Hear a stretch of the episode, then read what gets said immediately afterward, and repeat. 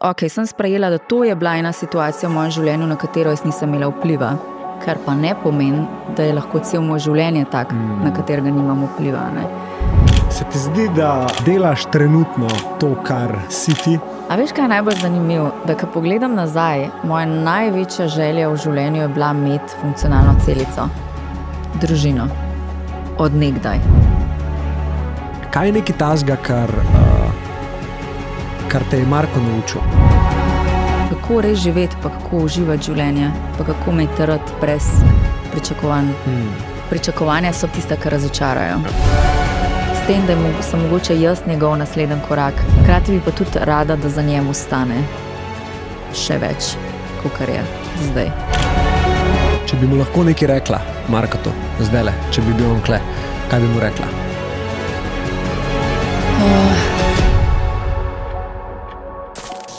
Največ, kar bo pa ostalo za nama obema, so pa pač te tri otroci mm. in pol njihovi otroci. Prej greš gledati to epizodo, bi te rad spomnil, da lahko nekaj narediš za me.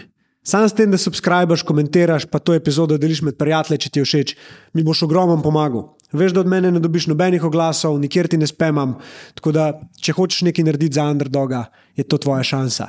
Če si že subskrbil, pa vsaka čast, hvala ti, uživi v pogledu. Te te stari komadi, Lil Jon, te dan. Ja, danes pač. Ja, vse je hudo, vse je tako, da oskrat rečem, upam, da se bo to vrnil, pa da bojo naši otroci imeli poln klinac teh vseh uh, virtualnih stvari, pa da se bo malo vrnil nazaj, kam je tako kar žal.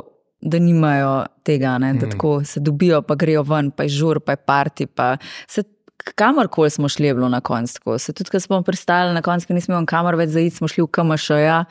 Ja, kako se šele tam densal, ki je pač pol vprašal tu in un DJ je pol tako na koncu vrtel, kar smo mu rekli. Tako je zunga prvotnega žura in tako šlo v čist neki X. Ki so fuzli prijele. Ja, gled, to je bila fora, se mi zdi, unga lokala, da bi bil tako mešano na žaru, pač kar shotel, vse smel. Ne? Vse imel. Ja. ja. Ok, uh, ja. Smo že štartali, ne?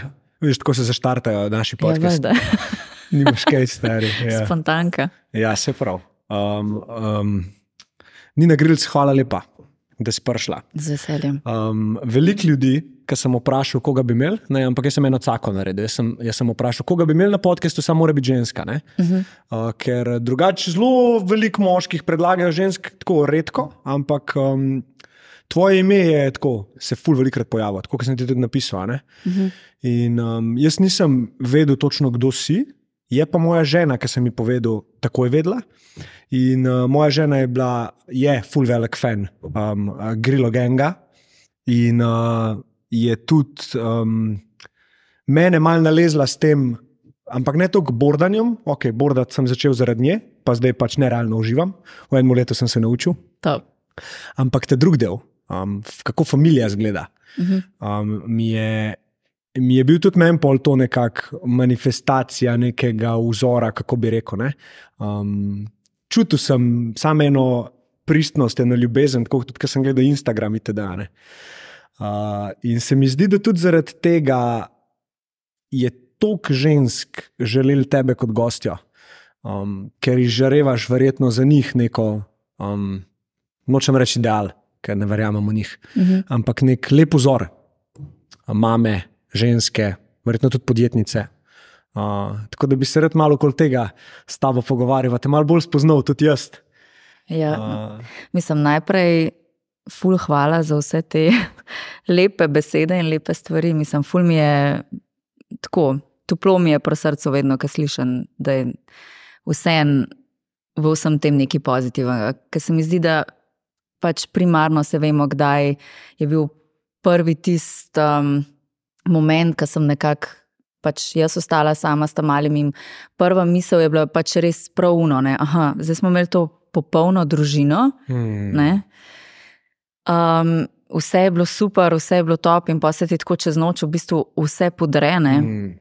In kva zdaj ne. In en tak moment, ko sem tudi jaz začutila, je v redu, si uh, delaš nekaj prav, je, ker je moja ta srednja napisala enkrat pismo, pa mi ga je pustila, pa je gor pisala: Moja družina je najlepša družina. Mm. In mi je bilo tako, ok, wow, pač oni ne vidijo, da se jim je tako vse podarilo. Ja, se so izgubili eno ful pomembno osebo, ampak še zmeraj vidijo pa kot to celico, kot neki fulebga. Ne? In mi je bilo tako, ti smo zdaj prepopani tam na steni gor. In mi je tako un reminder vsak dan, da lej, tudi če ni vse v narekovajih perfekt, ne, še zmeraj lahko. Um, mm. Lepo, pa dobro. Kje si najdla moč? V tistih prvih trenutkih, ko se ti svet podreje, meni se je, ki mi je oče umrl. Recimo. Tako da um, bom velikrat mravljince danes verjetno doživel, ni, ni pač primerjave, seveda, ampak um, kje si najdla moč? Mm, pa veš, da dan za dnem, pa korak za korakom. Itak na začetku je To sem že večkrat rekla, itak je tak šok, da se spoh ne veš, v bistvu, kaj se dogaja. Jaz še zdaj doskrat rečem, meni se še zdaj zdi na momente, da se mi je čas takrat ustavil ja. in da kar nekako stvari stojijo, in da en dan se bo spet začel vse odvijati, in bom prišel domov, in bo tako, da ni bilo noč umesa. Mm. Včasih, ful greš čez te faze, čez te momente. Jaz sem rabila vsak moment tega, kar se ne mu zgodil, da čez ga videti, sestaviti vse koščke v svoji glavi, zato da sem sploh lahko dojela, da je to res. Hmm. Pogreš pa dan za dnem. Jaz sem vedela, pač ena stvar, ki je bila, jaz sem mogla takrat je truditi. Ne? Jaz se nisem mogla se sest pa se sud, ker pač čez tri tedne sem mogla tega otroka iz sebe ven spraviti. In tako da tudi vse una pomirjevala, pa uspavala, pa vse tiste nekaj, če se tega navlečem, mislim. Jaz sem bila sama s tremi, se pravi, ko bo novorenček ustajal, moram ustajati, ne morem uspavati, vzeti pa spati. Ja, ja, ja. Tako da, ne vem, tako trezno vse en zaradi tega, ker veš, da imaš tri otroke, tri mehne ljudi, ki se zanašajo na te sto procentno, ki te res rabijo, moš ohraniti. Ne moreš zdaj kar. Pa mal sem imela tudi v mislih vedno, ok, če boš pustila, da te ta luknja pozavga vase, a boš res lahko ven splezala iz tega. Mm. Moš ustati gor. Ne? Moš ustati gor. S to luknjo, ki te pozavga zase, uh, vase, um, kaj, kaj, kaj je bilo tisto, kar se ti je zdelo, da ti definitivno ne bo koristil, če sprejmeš v tisti situaciji? Um, to v bistvu, da nekako poveličujem negativ, tiste negativne občutke. Ne. Sej vsi vemo, da je pač stvar grozna. Tudi šla sem k dvema psihologoma, takrat pa se spomnim mene dotično. Rekel, o, Madonna, to je pa res grozen, o, Madonna, to je pa res grozen. Reka, jaz to vem, ne, sej. Sem dosta realen človek, ker sem vedela, kaj se je zgodilo, sem vedela, kaj to pomeni. Ne samo čustveno, ampak tudi živeti 20 let, tri majhne otroke, sam, ne skrbeti za njih, mm. omogočati jim življenje, vsaj približno tako, kot so ga imeli. To so tako psihološko, v bistvu, ful. Um, Naporne misli, pa ogromna odgovornost. Ne. Ti greš v to v dvoje, da se lahko tudi nasloniš ena drugega, da si pomagaš. Nekako pri teh letih, ki smo mi, ne v 30-ih, ne misliš, da se bo to kar spremenilo čez noč, da boš ostal res sam z, vso, z vsem tem na sebi. Mm. Ampak Absolutno pa si nisem dovolila, da, da grem preveč v globino teh misli. Mm. Vedela sem, kaj to pomeni, vedela sem vse, ampak vedno sem probala pozitivne stvari vam vleči. Mm. Ja, sem ostala z mehkimi otroci, ampak mm -hmm. sem zdrava, lahko delam, otroci so zdravi, imamo um, stanovanje, nimamo nekih hudih kreditov. Um, tako bo ok, a ne. Mm. Overall je še zmeraj v redu, kljub temu, da, da ni. Ja, stran si šla od tega, da bi sama sebe videla kot žrtev. Veliko ljudi, ki ti hoče pomagati v težkih situacijah, te malo v žrtev daje, pa se jim malo smiliš, pa uno, pa tretja. Ne? Ampak me ful veseli, da si slišala ta en glasek noter, ker mislim, da se pokaže parata res močen, takrat, ker je res težko. In to je en glasek, ki je uno, vse bo v redu. Ker tega glasa, ker razmišljaš o takih stvarih, pa te je strah, ne misli o teh mhm. dogodkih, ga ni, ker ga ne rabiš, ker se nič ni zgodil.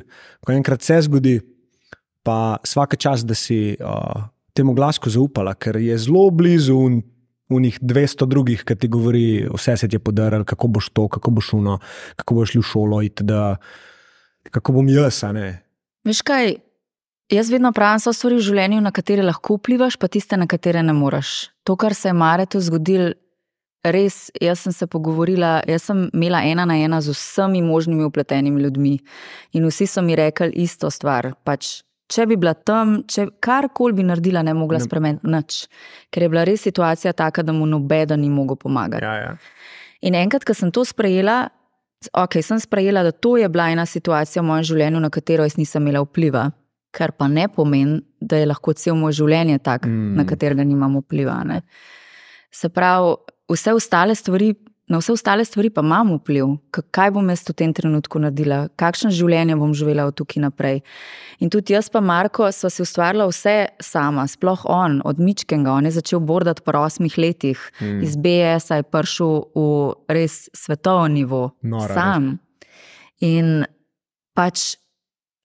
Rekla, vedela sem, da tak življenje, ki so ga midva živela, kar so si midva ustvarila, nisem hotela no, neke miloščine, pa da bi me ljudje gledali kot o Boga. Mm -hmm. Ker mi dva nisva bila nikoli Boga, mm -hmm. mi dva mhm. sva bila močna in sposobna in sva si veliko ustvarila skupaj. In nekako sem rekla, veš kaj. Ja, življenje nas je dal na full veliko preizkušnjo, ampak to ne pomeni, da rabam poklekan zaradi tega. Mm, bravo, ja. A, ga, um, a kdaj čutiš njegovo prisotnost? Ja, na začetku sem bila fully okupirana s tem, na vsak način sem hotela razumeti, kaj se je zgodilo. Ni, ni mi dal miru to, da kar si in pol te kar naenkrat ni. Mm. In na začetku misliš, da ga moraš malo manjka slišati. Aha, zdaj mi bo kar tle zraven neki govoril, če ne ga ni. Pol pa sem si dovolila res prepustiti temu in imeti občutek, da odločitve, ki jih sprejemam, pa neka lahkotnost pri nekaterih odločitvah, ki jih sprejemam, pa mogoče kakšni koraki, ki jih delam v življenju, se mi zdi, da jih delam drugače, pa dosti bolj umirjeno, kot bi jih mogoče prej. In v bistvu to jemljem kot neko njegovo prisotnost. Wow. Te neke spodnji lejerji, ki niso tako, ja, ki niso glih ne, zelo. Face, yeah. Ja, in your face, obvious, ampak so pa tam in jih je težko mogoče brati, pa razumeti, ampak če se res prepustiš temu, jaz verjamem v to, da, yeah. da je nekaj. Kaj niti ni, da, da razumeš. Če, če pogledamo, vse razmišljaš, kle gor, mm. čutiš, blkane srce z dušo. In če ti nekdo igra na strune duše, kako boš jih razumel. Ker, ker verjetno v tistih situacijah, ki si, je neka entiteta zraven, ki ti ima tako da ro, a, a, roko čez ramo, pa ti reče: No, pej, sej imaš to. Dej. Ja, jaz mislim, da ta intuicija, pa čustva, da jim damo čist premalo kredibilnosti v življenju. V bistvu jim zač, začneš dajati vse tisto, kar so, takrat šele, ko se ti nekaj mogoče tazga zgodi, ko si mm. na neki res preizkušnji. Um, ampak jaz mislim, da so tam z razlogom. Mm -hmm. In tako tudi moja Alaska, ta ki lučka zunaj utripa. Enkrat smo imeli, o, lučka utripa, ne mogoče je to dadi, ne? in ona zdaj vedno, pide dadi in gleda v lučko in čaka, da bo začela utripati. In tako, sploh majhni otroci, mi zdi, so ful dovzetni za te stvari. Ona razume, kdo je bil njen oči, kako je izgledal, kaj je delo. Njej je vse to jasno, ni v fazi, da bi sprašvala, zakaj ga ni. Mm -hmm. Ona pač sam ga povezuje z drugimi stvarmi. Tako, tam je na slikci. Aha, ko smo šli bordat za 23. novembra, da ti tudi boda, je govorila, ne? tako da ti tudi boda. Oh, wow. Ona ne kaže tam, ona kaže tako, tle. Dve. Bo, zdaj bo dve, konec bo... Eh, decembra. Ja. Pa je, da vidijo um, da vidijo mistične zadeve, bitja, energije, itd. otroci do vem, drugega, tretjega mm -hmm. leta, pa je itaka, ne. Yeah. Ja. Ampak neko raziskavo so delali, mislim, da v Ameriki, da dejansko, veš, kaj se ti te mehni otroci, ki tako malo mimo tebe gledajo, pa začnejo smejati. Baj, da takrat oni vidijo neka bitja, ki jih pač mi ne zaznavamo več pol. Mm -hmm. uh, in, in, in energije in prezenca. Tako da ležitli, uh, lepo, da pač tudi pove to, a veš, ker večina jih, jih drži to vsebne, otrok, nimajo potrebe potem, da nekomu povejo. Ne? Uh -huh.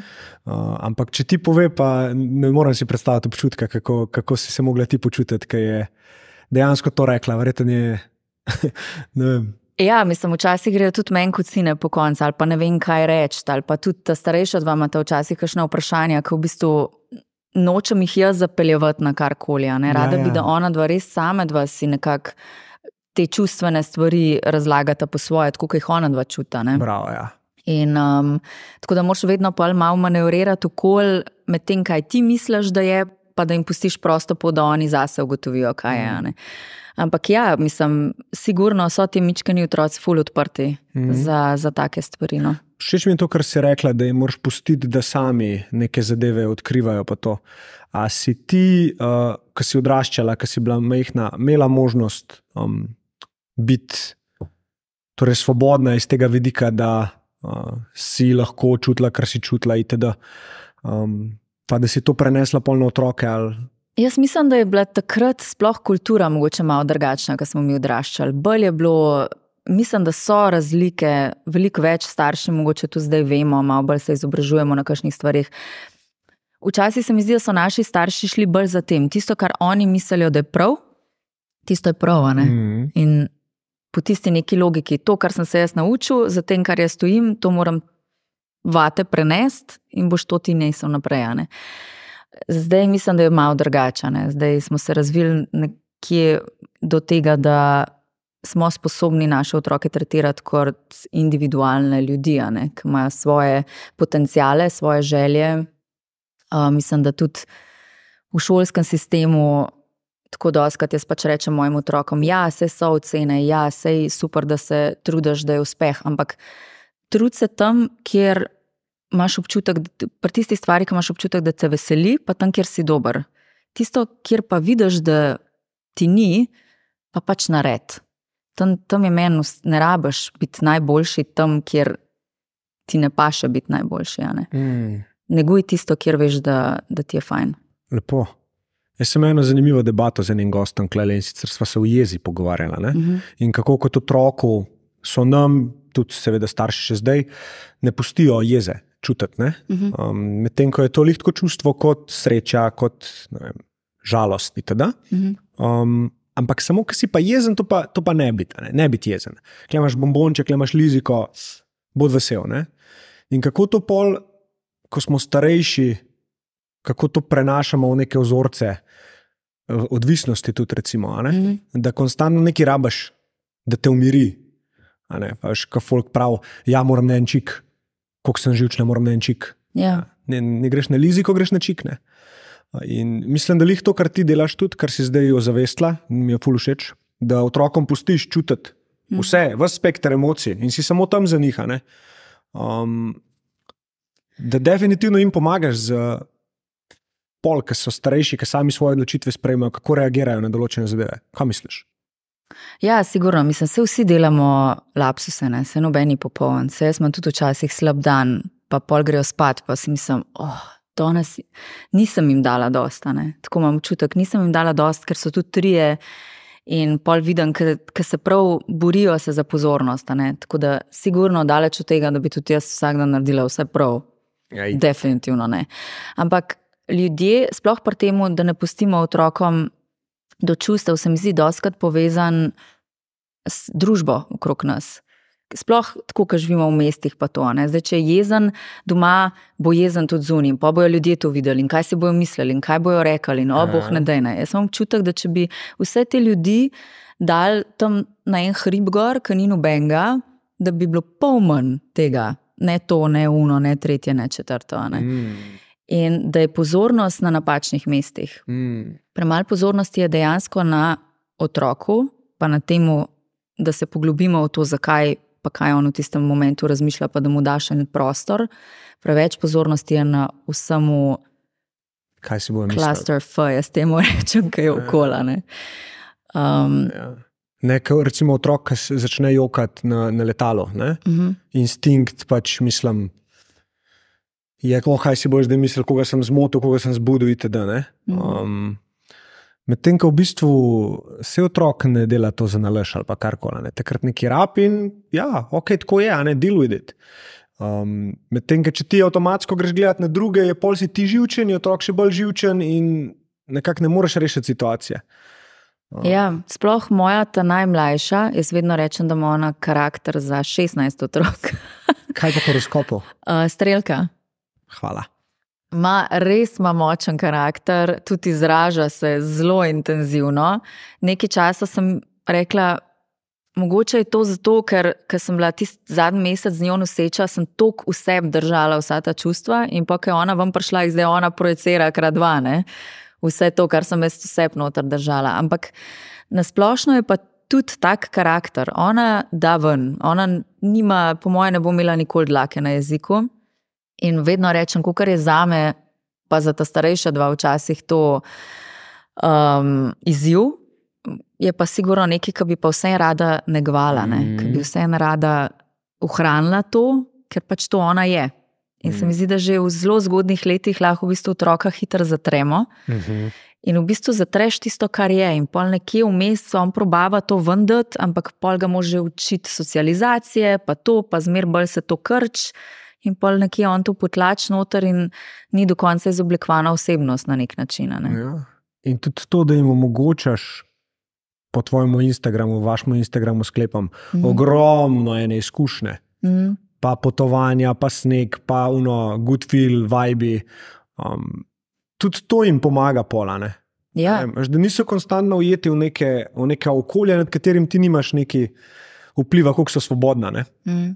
Um, iz kje ta želja po potovanju? Je to še nekaj, kar sta z Markotom tudi delala? Ali... Ja, ja, ja, to smo mi imeli zelo izrazito. No, pač dva, v bistvu je bilo tako, da ko sem mi dva z Markotom začela, jaz sem živela takrat še v Londonu, tam ni bilo glih za bordat za njega najboljše, on je tekmoval, je res ogromen potoval in so se zelo mal videla. In uh mhm. -huh. pol sem rodila Maxa, sem rodila Emo. In je bilo tega še zmeraj veliko, on je odhajal, jaz sem bila nekako doma s tam malimi, velik. In pol v eni fazi je dal on Maxa na sneg, in pol je dal še emo na sneg, in pol je bilo tako, čak mal, ne boste zdaj vi sami hodili okoli, sem pa kaj doma, ne, saj kaj, noč greš še jaz na sneg, ne, in si se pa še jaz naučila bordat, zemo skupaj v bistvu. In to je bil naš način življenja. Hoditi okoli, bordat, ampak biti skupaj. Mm. Se pravi, za nas dom nikoli ni bil prostor, mm. ampak je bila ta naša celica, pa gore. In Takrat, ko je Marko umrl, sem rekel: ene stvari, ki ne bom dovolila, meni je vse en, kaj bojo moji otroci počeli, ki bojo veliki, daleč od tega, da so kadarkoli razmišljala, da bo kjer od njih pro-border. Mare še celo rekel: upam, da ne, ker je pač res to intenziven življenje. Ne? Ampak mm. si pa želim, sem si pa res želela v tistem momentu in si še zmeraj želim, da to ohranijo kot ta občutek. Um, Domačnosti. Domačnosti, ja, pa varnosti, pa te lepi spomini. Da ne glede na, te, na to, kje bojo, kaj bojo počeli v življenju, si bojo vzeli bord, šli na goro in se bojo počutili doma in pomirjeno, in to je to. In kjerkoli, kjerkoli gora. Pa pač to, da v bistvu s potovanji dobijo neko širino. Mm. Različnih kultur, pa tudi tega, da se znajdejo v življenju. Max ful prevzema že enih stvari, tako da se pelemo deset. Ker se pelemo z avtom, navigacija je njegova, moja orientacija je katastrofalna. Tako da, hvala Bogu, da je temu dober. Um, na letališčih že točem ve, pač, kje pogleda tablo, kje let, povezave, koliko imamo časa vmes. To res ne emo prepuščam, zato ker se mi zdi, da mu to veliko pomeni. Ja. Da ima neko ulogo znotraj mm. družine, pa vseh teh potovanj, pa hkrati tudi v bistvu, da se znajde, da je samostojen. Se pravi, tukaj je samostojen, tu tema ratuje. Samostojno opažata stvari, hmm. res jim da to neki. No. Kaj bi rekla, da je um, po tvojem mnenju itak um, razlog, da ratujejo tako samostojni, tako, kjer odločitve misliš, da so bile ta prave? Um, glih to, da jim funkcijo znotraj družine, Aha neko prav njihovo funkcijo, ki jo oni lahko razvijajo, da ti manevrski prostor, da lahko um, raziskujejo da lahko delajo napake. Uh Mhm. -huh. Pri nas je res moto to. Narediš napako, ni panike, uh -huh. z napak se učimo. Valjda, probaš, da niso čim prevelike, ampak v osnovi pa, lej, napake so ok. Um, tako da pač ja, probam jih čim več, kot lahko opazovati. To so trije zelo individualni karakteri, res čist drugi ljudje. Vsak rab čist nekaj svojega. In pač se je zato treba vzeti čas. In doskrat, ko grejo spat, tudi premlevam stvari, ki so se čez dan zgodile. Pa probam umestiti to v te njihove karakterne stvari noter, da vem, malo, kje smo, ker valjda se tudi se razvijajo in se spreminjajo. Ne? In bi bila rada tudi v toku s tem, zato da vem, kako s tem delati. Mm. Kaj Tako. Pa, koliko pa časa uh, imaš zase? Uh, pa jaz si jemljem kot čas zase, mogoče, ko grem športat Mhm. uh -huh. sama. Se pravi, ko grem ali v gim, ali na na šmarno, ali sama s kolesom, karkoli. Mm. To si vzamem kot čas zase. Sigurno, ja. Meni ta šport, pa ta aktivnost mi res ful da, tako psihično tudi. ja, ja. Ker čutim tako, če en teden, deset dni, recimo, ne bi več športala, se mi začne posod nabirati mm. in tenzija, in razmišljati začnem stvari, ki jih nočem razmišljati. In tako da, recimo, da je to zaenkrat čas Mm, hudo. moj. Ja, mislim, um, veliko ljudi, s katerimi tudi jaz delam, pravi, da imajo problem z overthinkingom. ne. Mm. Uh, ampak, če dobro pomisliš, ni problem v overthinkingu, ampak v tem, da delajo premalo, da, da so premalo v fizičnem telesu. Ne? Ker, ko si ti v mislih preveč, misli rešuješ z več mislimi in ne moreš rešiti, ker v trenutku ne moreš biti, če se ne čutiš. Mm. Pri športu se čutiš. Si v dihanju, si v koraku, si mišice začutiš, nek, neko pot imaš, kamor greš, in je pozornost tudi druge. ne. Tako da, ja, za ene, ene je to meditacija, tudi velikokrat rečejo, šport je meditacija, ne. ampak tako mi je, mi je zanimivo, da se tudi pri tebi ta potrditev kaže um, v športu, ker ni šport sam, da ti ne treniran, ampak tudi psihično ti pomaga. ne. Jaz stojim za tem, da sta psiha in telo tako povezana, da dajemo čist premalo pozornosti na to. Hmm. Če me vprašaš, jaz mislim, da bi lahko bil del psihoterapije tudi fizična aktivnost. Ja. Ker je tako prepleten eno z drugim, in res ljudje se ne zavedajo, koliko. Ja. In tudi, uh, pa nočem zdaj tukaj moški, ženske, karkoli deliti, ampak jaz opažam pri mladih moških, ne, um, kar problemi ratujejo samozavestjo. Zdaj, eno je, da je vse takoj na dosegu, se ne rabijo baš nekaj potruditi. Mm. Drugo dejstvo je, ki sem ga zanj tudi prebral, da 60% samskih moških ni pristopilo do ženske v letošnjem letu. 60%. a ne? Ja, zato, ker imajo vse Tinderje, pa Instagrame, pa to. ne. Mhm. Um, no, in vidim, da pri velikih fantih, k, uh, velikih, fan- pri velikih fantih, že ko jih daš v fitness ali pa saj neko fizično aktivnost delati, se začne ta mindset spreminjati. Ker naenkrat so bolj soc, socialni, so bolj, um, imajo sebe rajši. Teda. Tako da dejansko prva stvar, ki je, če hočeš, pač po moje, kot mlad moški, um, zvišati svojo samozavest, je pa jih trenirati. Um, Pri ženskah se mi zdi, da je pač trening res mogoče malo bolj tudi, um, povezan s psiho, pa ta čas zase, sploh če imate družino. Um, in je pomembna komponenta, ampak že kle vidiš dejansko pomembno športa več kot samo pač fizično telo, ampak tudi psiha. Ja, jaz mislim, da tudi dosti ljudi. Takoj mislijo, ok, se pravi, zdaj moram iti v gim, zato da bom dobro zgledal, a ne to, zato, to. da sem dobro počutil. Ne, sploh ni to fora, ampak jaz mislim, da ti začutiš svoje telo, ko začutiš svoje mišice, ko se ti vse te, vsi ti obtoki začnejo drugače v telesu delati, da je to v bistvu to, kar je. Jaz ne grem v gim, pa pa prijem domov, pa gledam, kakšno ritmam. Sploh ni v Mhm. tem fora. Jaz pridem iz gima, pa se res dobro počutim. Mhm. Pač moj telo je zadihu. Ja. In mi da to tudi neko, ne vem, nek prostor v glavi. No. Ne vem, kako bi se drugače izrazila, ampak Ja. prostor, da malo drugače tudi organiziram svoje misli. Da ni samo eh, natemperan vse z nekimi mislimi, ki so pač čist proste. Ja, ampak Take hitratajo, neprijetne, negativne. Ne? moraš, se pravi, mora telo tudi delati. No. Mora ja. se tudi prekrvaviti, mora tudi nekaj se dogajati s telesom, da tvoja glava lahko normalno funkcionira. Ja, ja. Tako kot vedno pravim za nas, kreativce, mora biti čas, ki gledaš v luft. Zato, da si ja. lahko kreativen. Kar se pri meni zdaj mogoče pozna, ker nimam tega časa, toliko, ki bi ga mogla imeti, ampak ja, ta čas, gledaš luft, surferi tudi gledajo valove po pet ur, preden gre surfati. To je ta to je del tega. Mm -hmm. In mhm. tudi pač telo rab. Ja, res, to si fulor povedala za kreativo. Ali Rubin poznaš? Rik Rubin, producent. Ne. Čisto trgen tip, ne? geni, ne vem, komu vse je produciral musko. Je rekel, jaz večino svojih kreacij naredim tako, da ne delam ja, več. Ja, ja. Jaz pustim, da muska pride k meni in ko jo začutim, jo grem manifestirati. Se zato je ta povezava, se mi, se mi zdi, doskrat s tem, da dobiš najboljše kreativne ideje pod tušom. Ja. Ni folk, fora tuš, fora je, da tam noč ne delaš. To, ja. zdaj, če si še ženska, pa si potušam pol ure.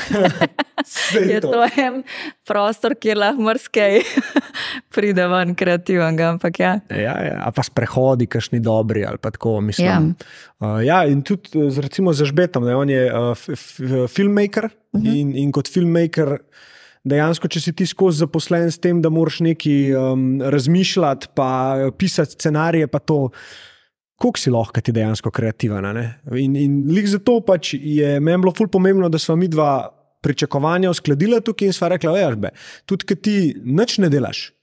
Je gud. Ne, ne, ne rabiš čutiti takrat krivde, da bi nekaj mogel, ker ti bo to ubilo vso kreativo, ki jo boš sposoben sproducirati v naslednjem mesecu. Mm. In sploh, če si fan od Kobija, uh, Bryanta, pa Jordana, ne, kjer je ta mindset, tu tako outwork everybody, um, je to veliko težje narediti. In, in se mi zdi, da je zato tudi, sploh, če sodeluješ z ljudmi, ki so kreativci, je zelo pomembno, da jim pustiš prostor, kot si sama tudi rekla. Ne. Ja, pa A. tudi. Se glih to je pričakovanja družbe, so ful velika. Glih zaradi tega, ker pač mi imamo eno sliko, kaj je na zuniji. Ja nikoli pa nimaš popolne slike, kaj je vse v zadnji. Mm. Ti imaš lahko enega človeka, ki doseže ne vem, kaj vse, ampak ni nujno, da je on to dosegel sama. Ne? Ma verjetno podporo za to, za tisto, za tretje, za četrto.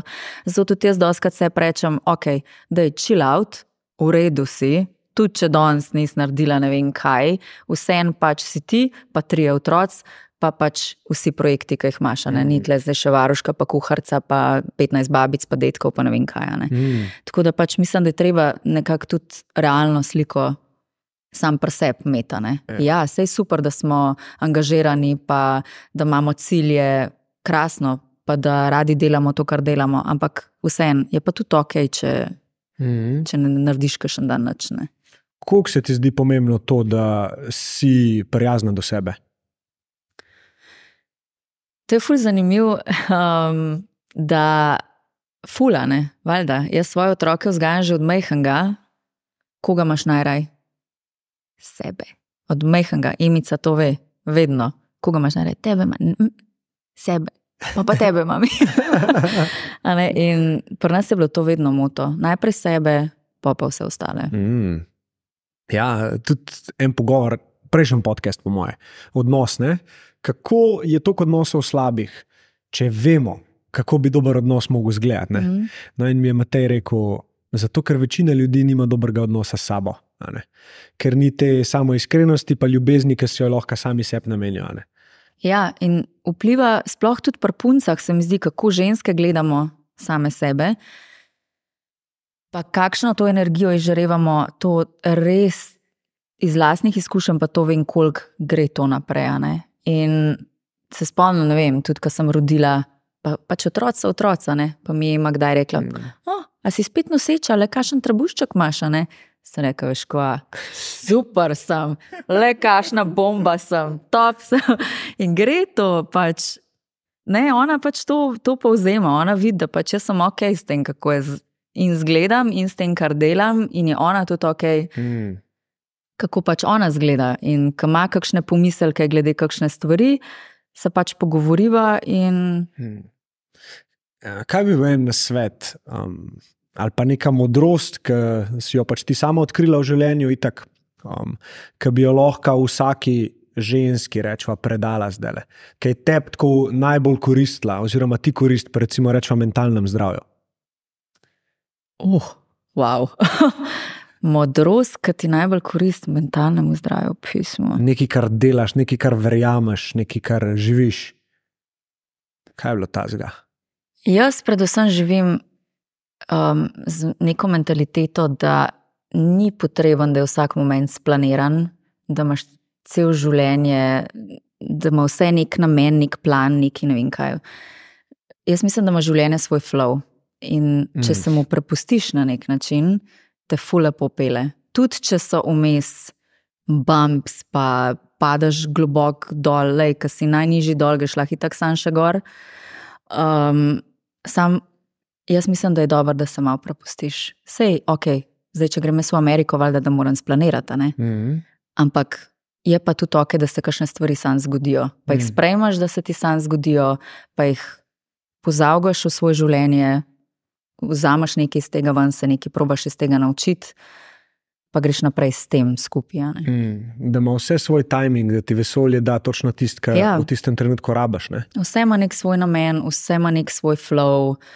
Tako da jaz ful grem za tem, da se treba temu tudi prepustiti. No. Uh, jaz sem v flowu slišal en, en lep rek in sicer v angleščini je, ampak um, stress is thoughts without control, flow is control without thoughts. Mm -hmm. ja, a si že slišala? Ne. ne. No, in, in mene je kar zadev.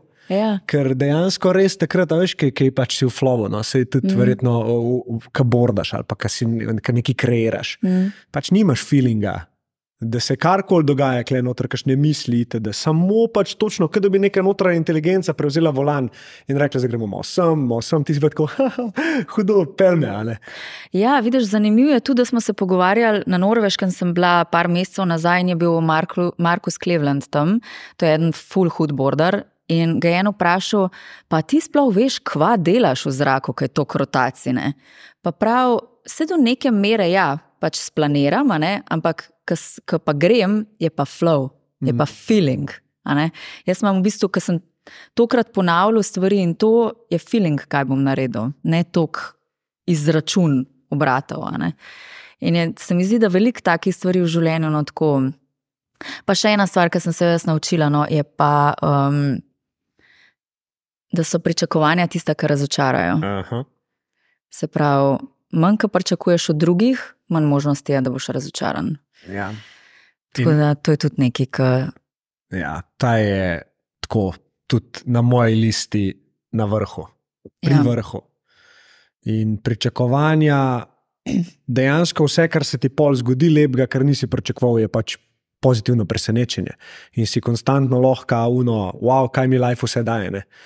Ja. V trenutku, ko imaš ti neka pričakovanja, si naredil pogodbo sam s sabo, da boš nesrečen, če se to slučajno ne zgodi. Uh mhm. -huh. ne? Jaz mislim, da je to tudi v partnerstvih doskrat ja. stvar, da v bistvu ljudje sami sabo niso zadovoljni, niso srečni. Iščejo nekega rešitelja, v tem primeru svojega partnerja, imajo visoka pričakovanja do tega, kaj bo v bistvu ta človek njim doprinesel v življenje. Bolj, če se to ne zgodi, ne, so razočaranja ogromna in potem te občutki razočaran sledijo v pač razpade ves in podobne stvari. Mm. Jaz mislim, da to tudi vedno probujem svojim otrokom dopovedati. Ima veze, kaj boš v življenju počel, um, in nima veze, na kakšen način boš živel, ti moraš biti zadovoljen sam s sabo in svojim življenjem. Pa vse, kar bo noter prišlo v to, bo pozitivno, ker ti tako vlečeš pol nase stvari, ki ti paše.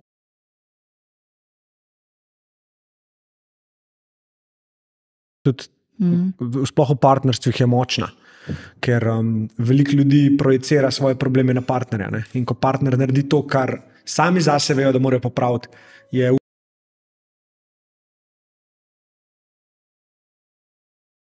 Mal svoj drek spucati, pa se zahvaliti, ko nekdo nekomu nastavi gledalo, zato ker se obnaša kot otrok, še vedno, ki išče mm -hmm. pozornost, pa drug zna to sprejeti, um, se sam lepo.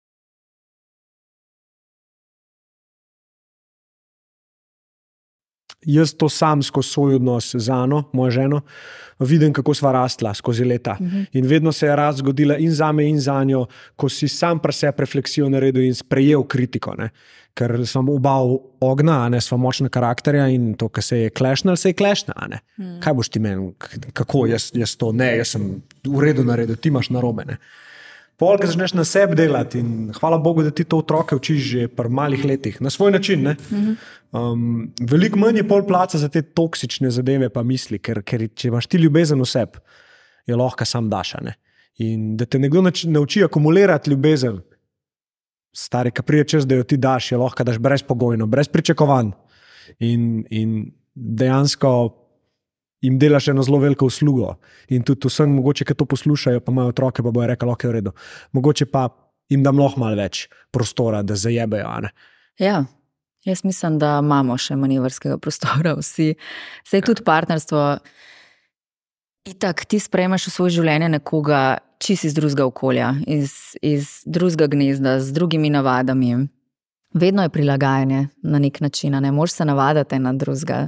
Um, jaz sem Marko to spoznala, ker sem bila stara 23, jaz sem bila tudi pač una, posoče, pa malo London, pa malo to, pa malo uno. Se mi dva sta tudi imela ful preizkušnje, ne? pa sta prišla dva otroka, pa sem jaz mogla prijeti nazaj v Slovenijo, pa je on naprej furu kariero, pa kako zdaj njega podpirati, pa imeti družino. Pa so ti zunani dejavniki, ki v bistvu lahko negativno vplivajo. Mm. Um, ampak v eni točki pač ja, imaš uno razsvetljenje, ali kako naj temu rečem, oziroma res ugotoviš, kaj je tisto, kar je najbolj pomembno v življenju, kaj je tisto, kar ostane. Jaz, v bistvu, s tem, kar se je Marko to zgodil, sem videla, kaj ostane. Uh. In jaz, ne vem, mesece sem hodila v njegovo umaro in kar iskala neki. Pač pa sploh nisem vedela, kaj iščem. Mm. Iskala sem nekaj več, da bi lahko ostala za njim. Kaj bom zdaj najdla tam v Mari en del njega, ki bo tako, oh, jaz tleje. A veš, ni, nič ni bilo, brtan majice, pa hlače, pa en kup superk. Hmm. To je to. In kar pa je ostalo, so pa spomini, ti video, ti pa slike, ki jih imamo, ampak največ, kar bo pa ostalo za nama obema, so pa pač te tri otroci in mhm. pol njihovi otroci.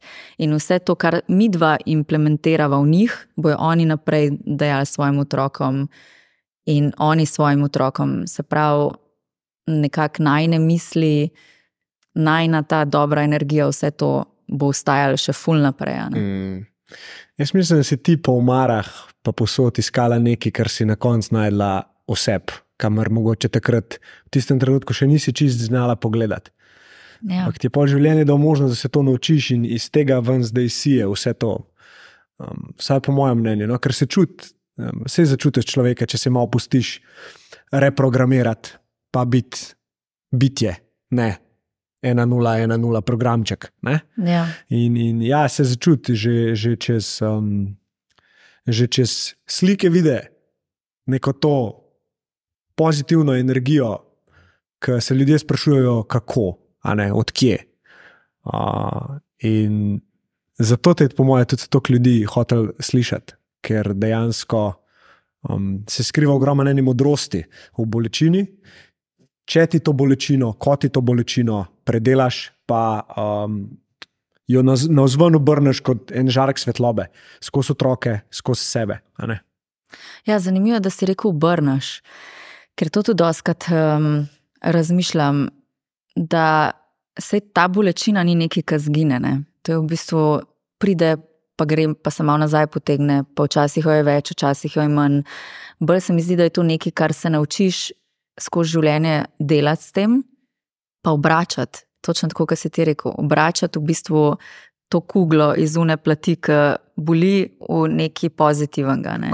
Kar neko zdaj je energija, nekaj ja. mora iti, nekaj mora iti. Ne? Ker ti zadržuješ vse, takrat ni dobro ker čutiš, da je nekaj, nekaj, nekaj mora iti ven, pa ne znaš, da je dvana. In, in zato je treba spustiti pol tudi na drugo stran.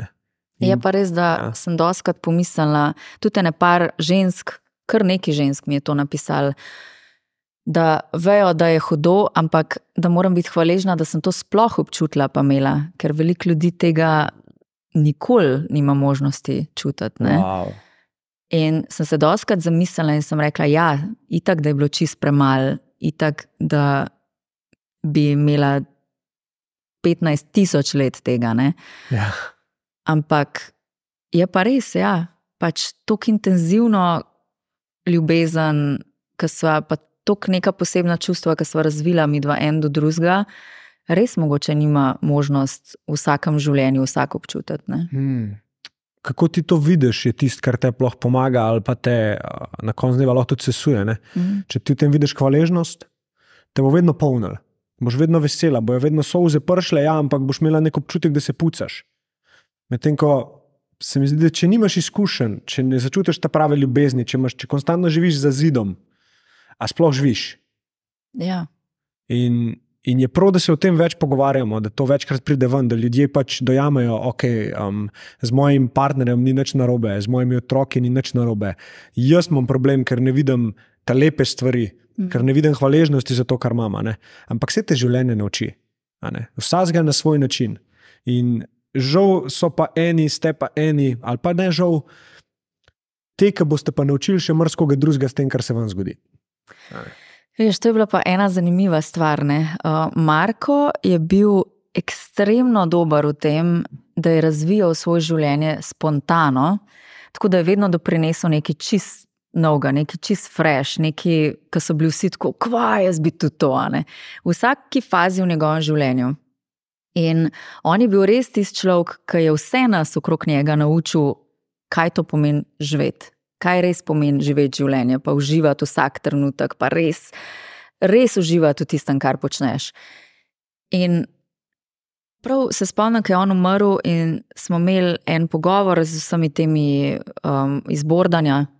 In so rekli, da je pri njemu bilo vedno tako, vsi smo pričakovali, kaj bo zdaj naslednji korak. Ne? In pol je rekel, veš, Nina mogoče si pa ti njegov naslednji korak. Oh. Pač. Zelo me je pa stresalo. In v tistem momentu, ja, je meni tudi se nekaj tako, šit, ja, ne vem, mogoče pa res. Mm, in pol še otroci. In pol še otroci. Ja. Jaz, recimo, sem velikrat v vizijah sebe videl kot nekoga v spredju in to, ne, in da bom naredil pozitivne premike na svetu. Ker sem dobil otroka, zdaj pred kratkim. Nisem več jaz, um, ta glaven v mm. Nekakšnih vizijah, in, in vedno v meditaciji se mi to zgodi, ne vidim. Ali je to plesen nastop, ali je to kitara, nekaj, nekaj kar ona dela, čeprav ne vem, kako zgleda. Nič. Jaz solze mi tečejo od sreče, ne? čutim, kako sem že zdaj ponosen in bom ponosen. In dejansko, če tako pomisliš, ne? neka mora iti energija. Mm. Ne more kar zginiti, pa te ni več. Nekaj gre. In uh, ja, jaz mislim, da ima prav. Noben ja. ne ve. Ne vemo, ampak jaz sem se čist prepustila temu, da vsem pa verjamem. O, tako je. Da, ja, ja da nekam gre in da, da jo čutiš, če si dovo, dovoliš čutiti. Ja.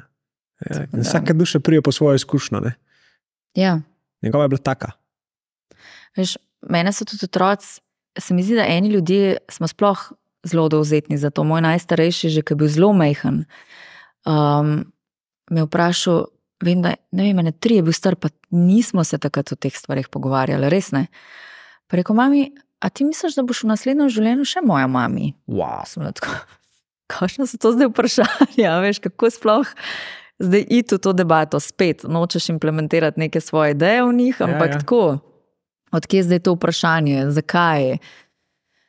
Take zanimive misli, doska se tega spomnim. No? Zdaj, teh njegovih vprašanj, ki je bil mehen, pa tudi zdaj, ki se malo pogovarjamo o tem. Uh, da ohranjamo neko realnost, ampak še zmeraj si dovolimo čutiti. Ne, se, se veliko pogovarjate?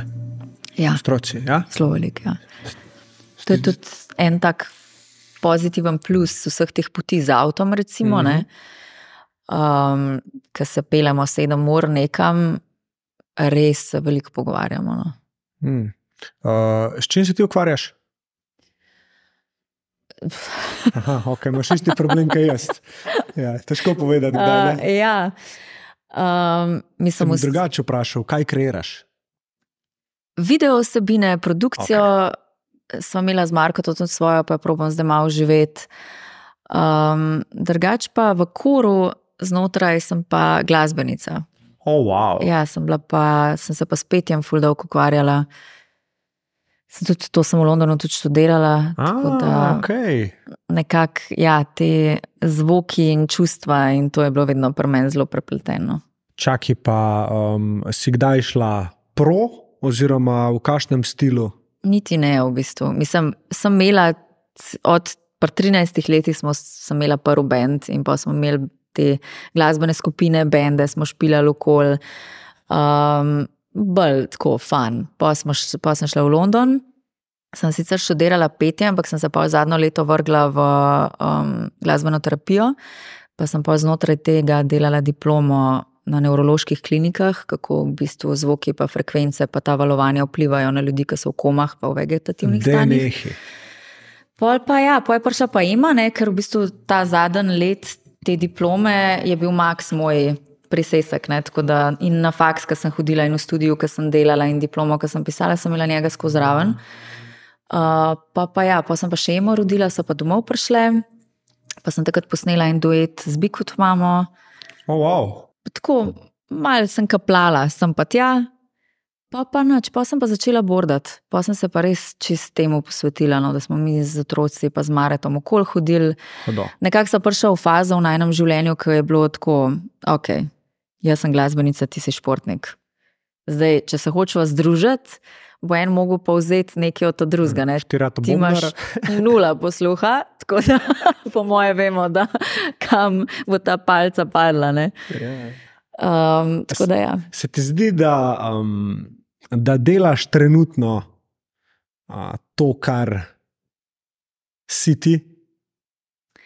A veš, kaj je najbolj zanimivo? Da, ko pogledam nazaj, moja največja želja v življenju je bila imeti funkcionalno celico, družino, odnegdaj.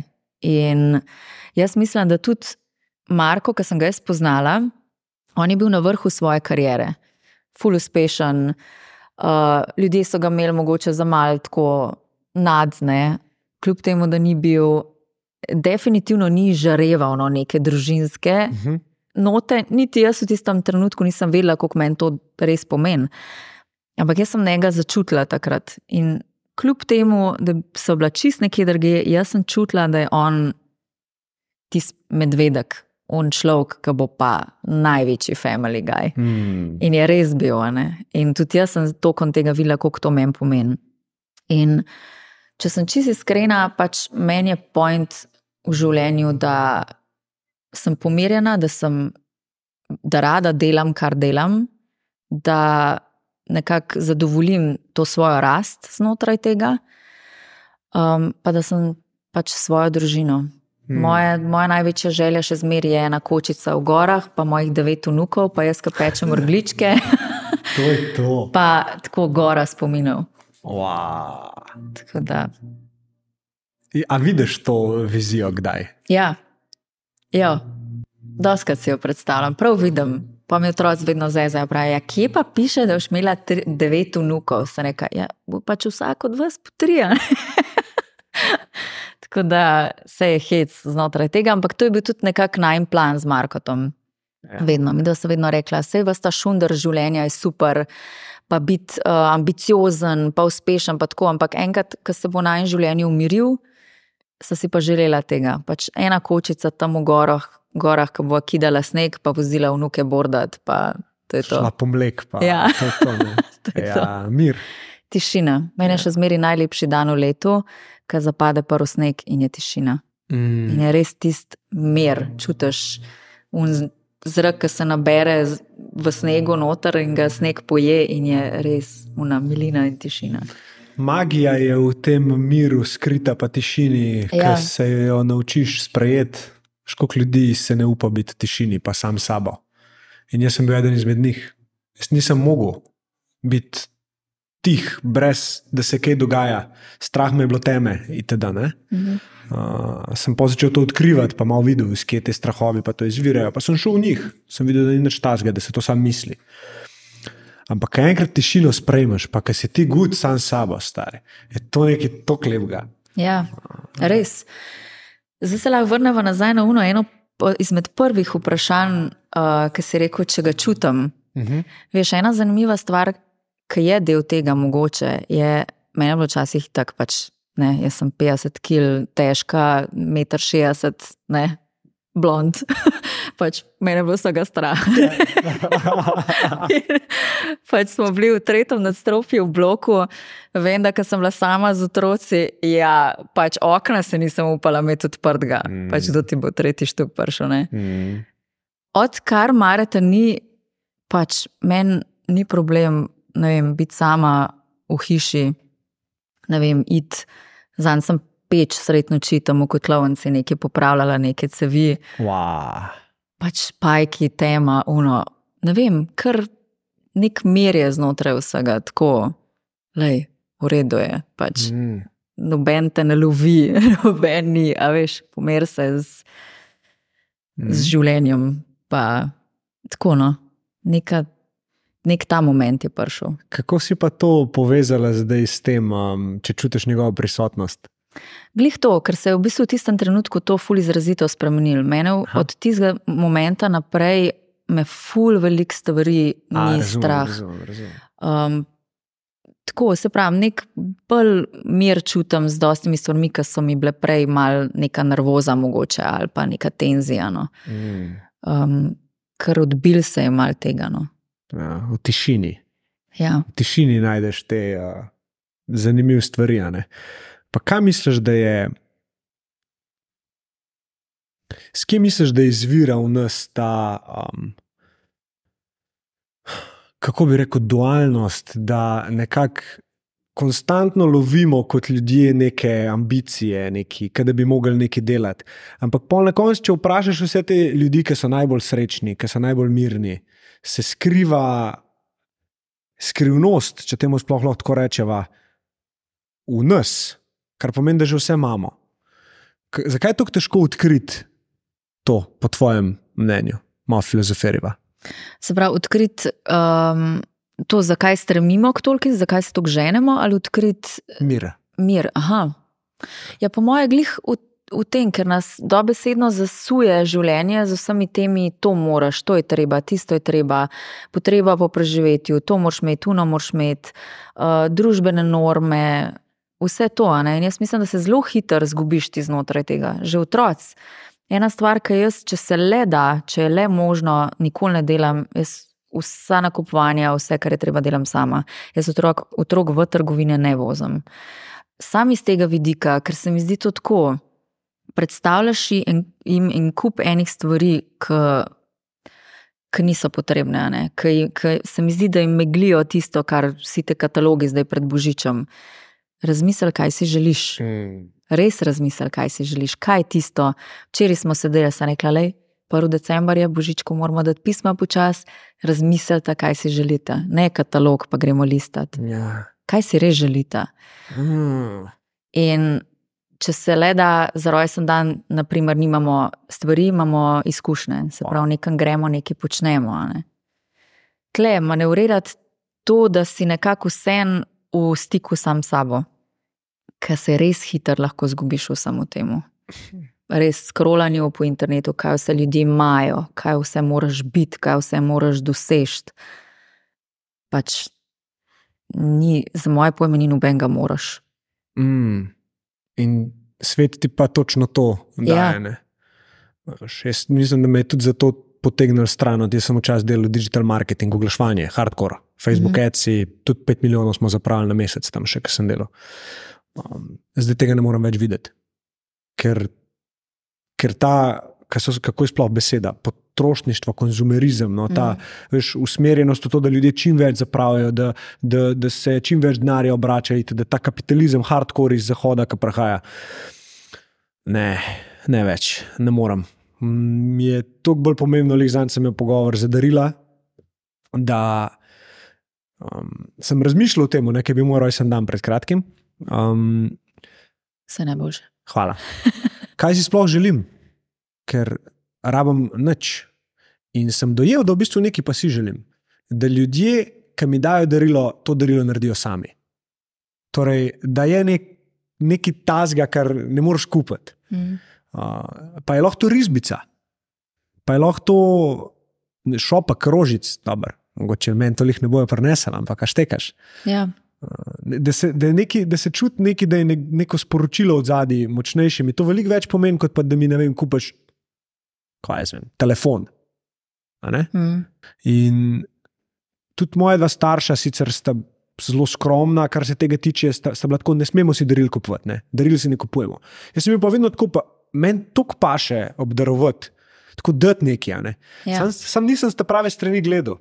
Sem mislil, da moram kupiti za čim več denarja in da bo to pač človeku dal neki. Onda sem mi pogovorila, da to pač nima, nima, nima smisla. Veš, jaz, ko je Marko umrl, sem rekla, da mi je življenje v bistvu dal njega v manjših koščkih, v večjih drugih ljudeh.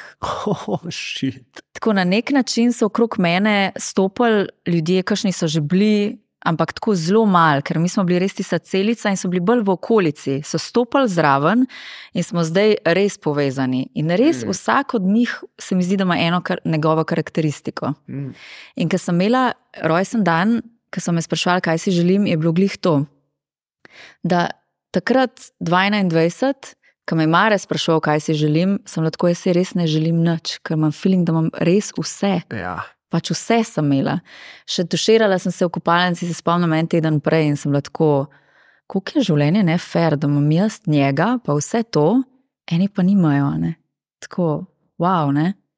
In pol leto zatem si nisem nič zaželela, ker sem imela občutek, da itak me načna usrečal, karkoli mi Mm. daš Materialenga. da nič ne za dosti dober. Um, no, zdaj, leto sem si pa v bistvu sam želela čas z vsemi temi ljudmi, ki so delček njega. Wow. Tako da nekako zbrati vse te ljudi na kup, pa imeti na nek način, na nek Druženje. način njega, vseh Wow. njih. No. Ampak zanimivo mi je, ker si to rekla, je, da ta delček njega, ki ti vidiš v njih, ne, Mhm. um,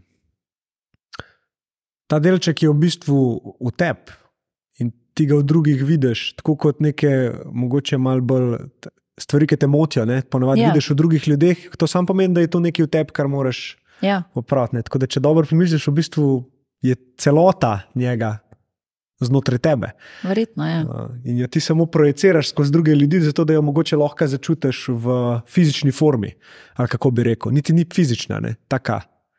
Um, Ja, se ti ljudje so vmes. vedno bili, ne? so vedno bili v bistvu okolje, Tako. pa jih nikoli nisem videla na tak način. ja.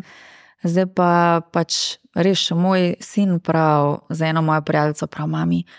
Ona je res kot dadi, sam ženska. wow. Saka, ja, zanimivo. Ne?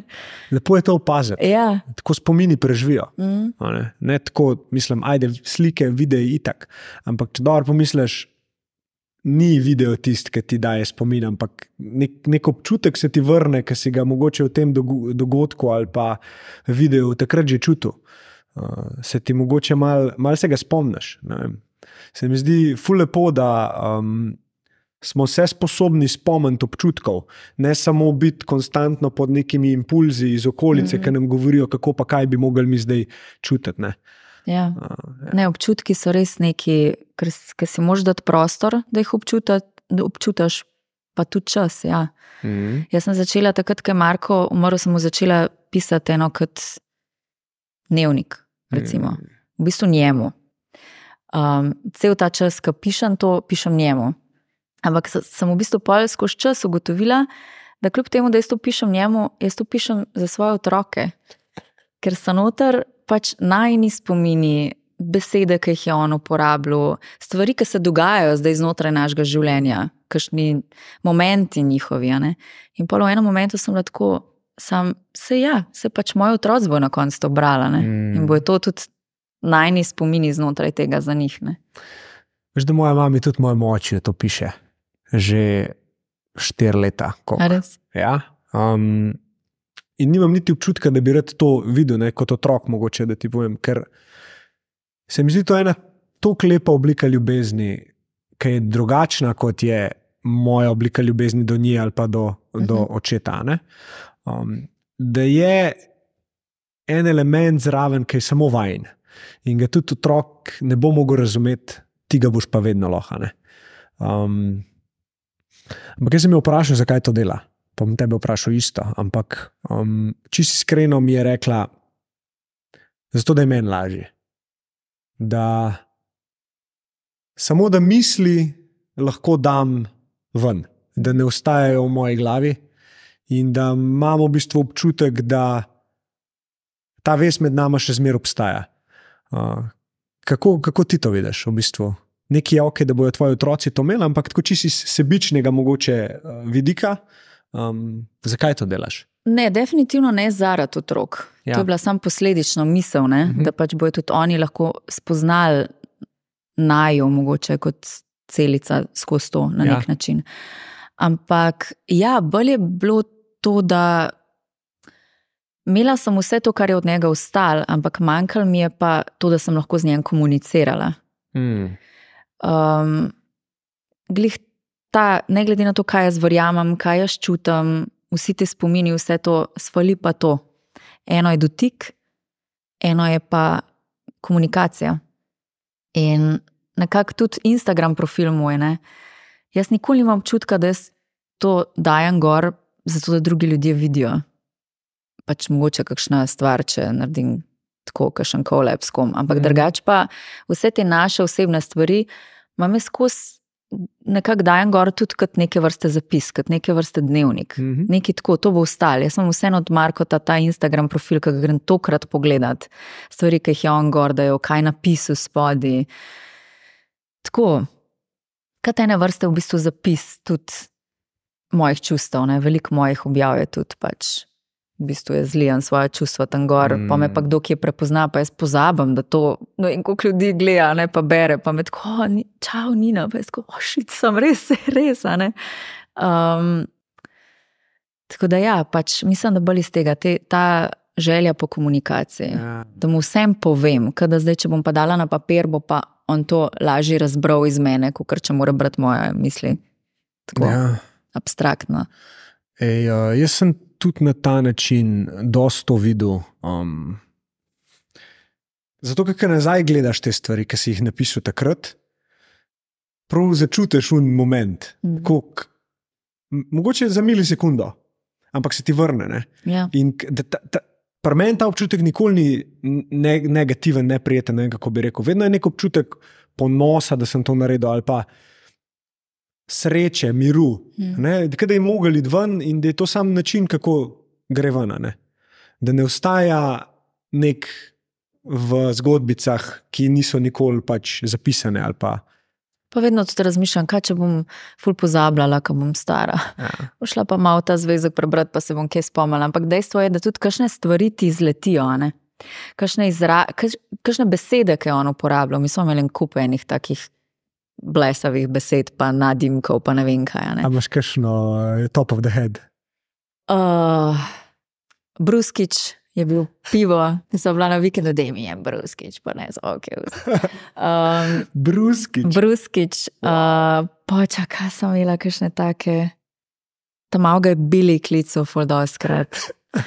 Uh, Imica je bila tako njegova lupita, dobro, to je pač tako, um, Bahama mama. Aha je mene doskrat klical tako. Ne vem, fulejnih takih blesavih stvari je bilo, no, ki jih pač, ja, mogoče grejo s časom in se ful bala tudi tega. No. Smela, lažje sem dihala, če napišem stvari, pa da grem lahko nazaj, se vrnem na njih, pa se kdaj nasmeješ. Tudi se konec koncev tudi mame to delajo za otroke. Ne, te, mm.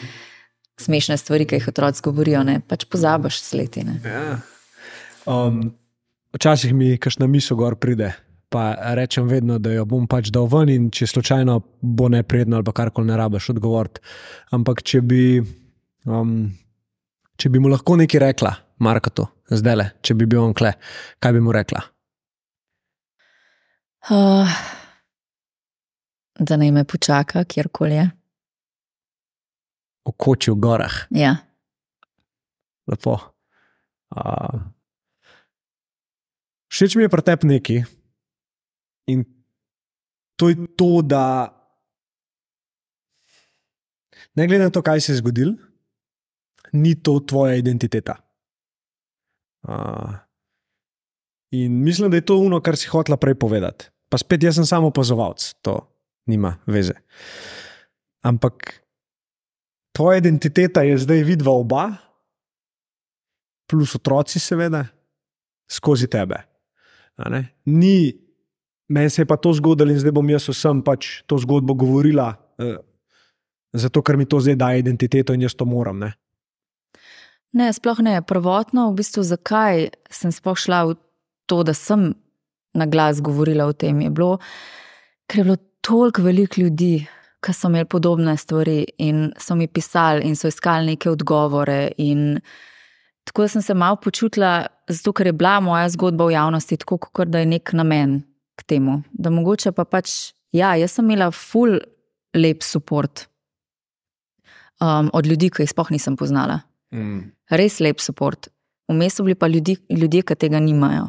Mm. In ja, veliko, sem pa tudi jaz občutila tudi kdaj je to stran, ker se, se ljudem lažje stran obrniti, ker ne vejo oni sami pri sebi, kako reagirati. Ja. Nim je neroden. Jaz nisem nobenemu za to zamerila, ker sem pač vedela, da ta nesigurnost in ta problem izhaja iz njih samih, ne v relaciji s tem, kaj se meni zgodilo. Mm -hmm. In mogoče iz tega razloga, no, da če, la, če sem lahko komu kaj odpomogla, če sem lahko komu dala kakšno idejo, če sem lahko komu dala kakšen namik, kako pristopiti mogoče do koga, karkoli mm. je bilo za me že dost v tistem momentu. Ne. Hkrati pa, kar pa tudi je neka podlaga v zadnji par določenih stvarih, ki jih delam, se mi zdi pa tako, da ne vem. V mojem primeru, sem Marko doživljala res kot enega tako posebnega človeka, z eno tako posebno energijo, ki se je res na nek poseben način dotaknil vsega.